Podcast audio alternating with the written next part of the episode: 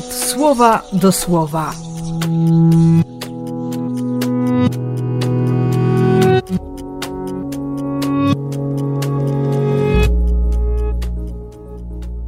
Dwudziesty siódmy stycznia, piątek.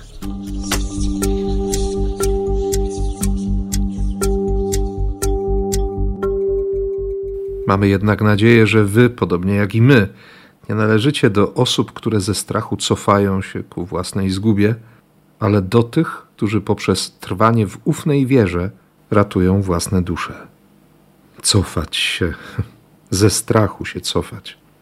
Prześladowania, nawet nie pójście na łatwiznę, tylko, tylko konkretne doświadczenie prześladowań. Przecież nie opieraliśmy się jeszcze aż do przelewu krwi, walcząc przeciw grzechowi. Idę dalej, czy się cofam? Boję się nie zgrzeszyć.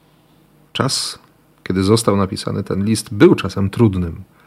Ludzie naprawdę widzieli w tym tekście konkretne umocnienie. Pocieszali się nawzajem. Dzisiaj to słowo zadaje mi pytanie o moją wytrwałość, o reakcję na pokusę albo o relację z pokusą. Dlatego Jezus przychodzi z jeszcze jednym umocnieniem, kiedy mówi: Z Królestwem Bożym sprawy mają się tak, jak z ziarnem, które posiano w dobrej glebie. To ta gleba z wcześniejszej przypowieści. Przeorana, przekopana, wywrócona do góry nogami, odsłonięta. Niezależnie od tego, czy ktoś śpi, czy czuwa, dzień po dniu i noc po nocy, ono kiełkuje w nim i wzrasta, nie wiadomo jak i kiedy. Moc Słowa Bożego i, i siła Jego miłości są nie do przecenienia. To jest potęga, która potrafi zmienić Twoje życie i, moje życie. I przekonaliśmy się o tym już nie raz.